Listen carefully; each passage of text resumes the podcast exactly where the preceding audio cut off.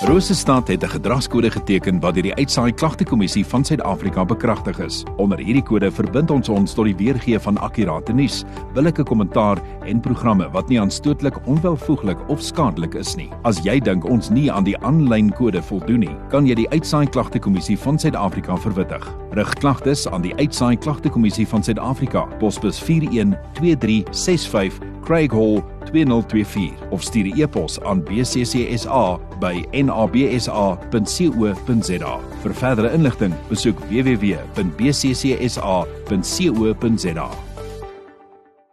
En by my in die ateljee vanoggend het ek vir Hanneke van Hospes. Goeiemôre Hanneke. Môre, goed. Dankie, dis lekker om hier te wees. Nou, ek hoop en glo dat dit met jou goed gaan. Mooiste wense ook aan jou vir die nuwe jaar. Al is dit al klaar in die tweede maand al. Kan nie glo. Februarie is hier met ons. Ek ja, as jy oë uitfees dit is die jaar ook verby. Die tyd vlieg so vinnig. Januarie ja. maand het so lank gevoel, maar dankie tog, hy is verby. Hy is, is verby. Ons is in Februarie alreeds. Hanneke, wie en wat is hospis? As jy dit kortliks kan beskryf. So hospice is eintlik dis nie regtig 'n plek nie. Dis eerder dienste wat aangebied word aan aan persone wat 'n moeilike diagnose gekry het van wat dit onomkeerbaar is of is 'n diagnose wat hulle weet hulle nie van gesond gaan word nie. So dis die dienste wat verskaf word deur 'n hele groep van mense, dokter, opgeleide verpleegkundiges, ehm um, vrywilligers, ons daar's berading en partykeer kry ons ook nog ekstra um, professionele persone van buite in wat ook help om om te kyk wat is nodig om hierdie persoon so gemaklik as moontlik te maak en gewoonlik is dit nie net die persoon nie maar die die hele samelewing of die hele um, geliefdes wat rondom daai persoon is word ook gehelp en gekyk wat is nodig wat moet ons doen hoe kan ons help om hierdie vir hierdie mense dit makliker te maak En dan jy praat van palliatiewe sorg. Wat is die verskil tussen hospice en die palliatiewe sorg? Ja, hospice is eintlik dan regtig ook tradisioneel en hoe mens die konsep en begrip rondom dit het wat daardie dienste wat regtig aan die einde van lewe um intree en en die die plek of die dienste wat dan eintlik um teenwoordig is. Palliatiewe sorg is meer 'n benadering van hoe werk ons met mense. Um en dit is reeds al betrokke en ons probeer ook meer en meer om sodra daar 'n moeilike diagnose is, sodra iemand hoor hierdie hierdie kanker of hierdie diagnose is waarskynlik iets wat nie meer gesond gaan kan word nie. Dis dis 'n lewensveranderende diagnose. Dis dan wanneer ons inkom met 'n benadering wat kyk waar's lyding en op 'n watter vlak ook al is, op 'n fisiese vlak, simptome wat mense kan ervaar, maar ook op 'n emosionele vlak natuurlik. Daar's altyd emosies betrokke as 'n mens ehm um, weet iets iets het jou lewe verander. Ehm um, maar dan ook die mense wat rondom daai persoon is en ook dan die spirituele aspekte van hoe maak ek sin uit dit? Ehm um, is daar enigsins nog betekenis?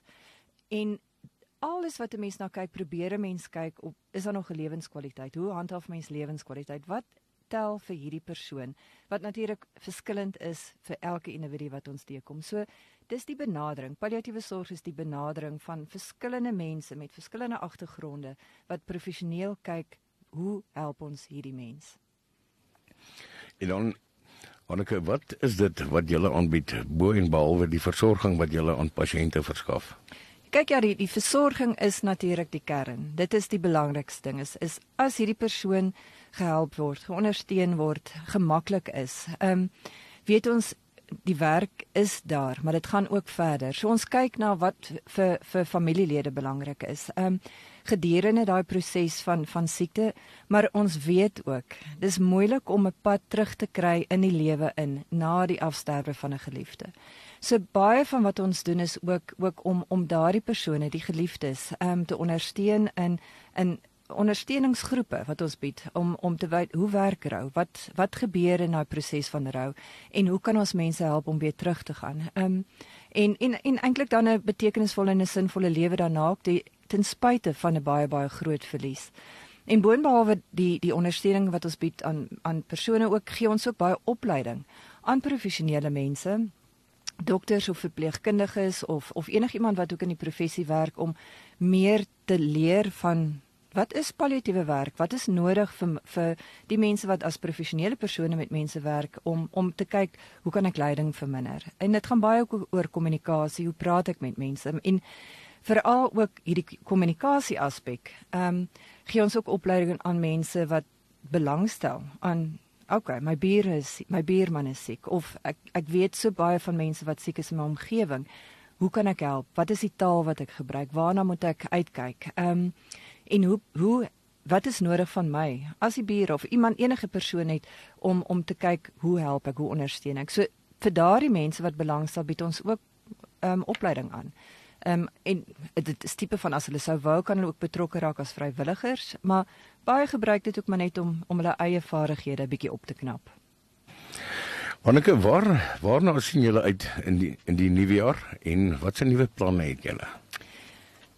Kyk, dit is dit is ook die maand van ehm um, kankerbewusmaking wat wat 'n mens meer en meer bewus raak ook van wat gebeur om ons. Ehm um, ook van jou eie gesondheid ook So deel daarvan is om mense bewus te maak van op hierdie pad van as dit met jou sou gebeur dat jy 'n kankerdiagnose het veral. Ehm um, dat daar mense is wat die hele pad saam met jou stap en as dit so sou wees dat dat dit ook na die einde toe gaan dat ons daar is. Daar is 'n palliatiewe span wat tot die einde saam stap. So ek dink is ook deel van van wat gebeur ook is het ons net soveel meer verwysings, mense wat wat ons moet help. Ehm um, waglyse van mense. So om daai mense te akkommodeer, het ons baie planne eintlik wat ons begin uitvoer al. Nog kamers, ons is besig om nog 3 ekstra hospice of palliatiewe kamers in te rig na waar ons eenheid is waar ons pasiënte permanent opneem vir vir vir 'n kort tydperk daar word hulle opgeneem daar's 24 uur versorging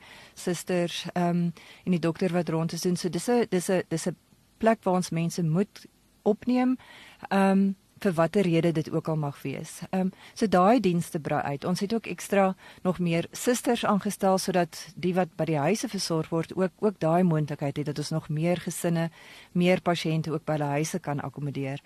En dan is daar ek hoop ook volgende keer ek kom vertel van nog ander planne ook hoe ons nog groter maak, nog meer ehm um, probeer om uit te reik na die mense wat ons werklik waar nodig het.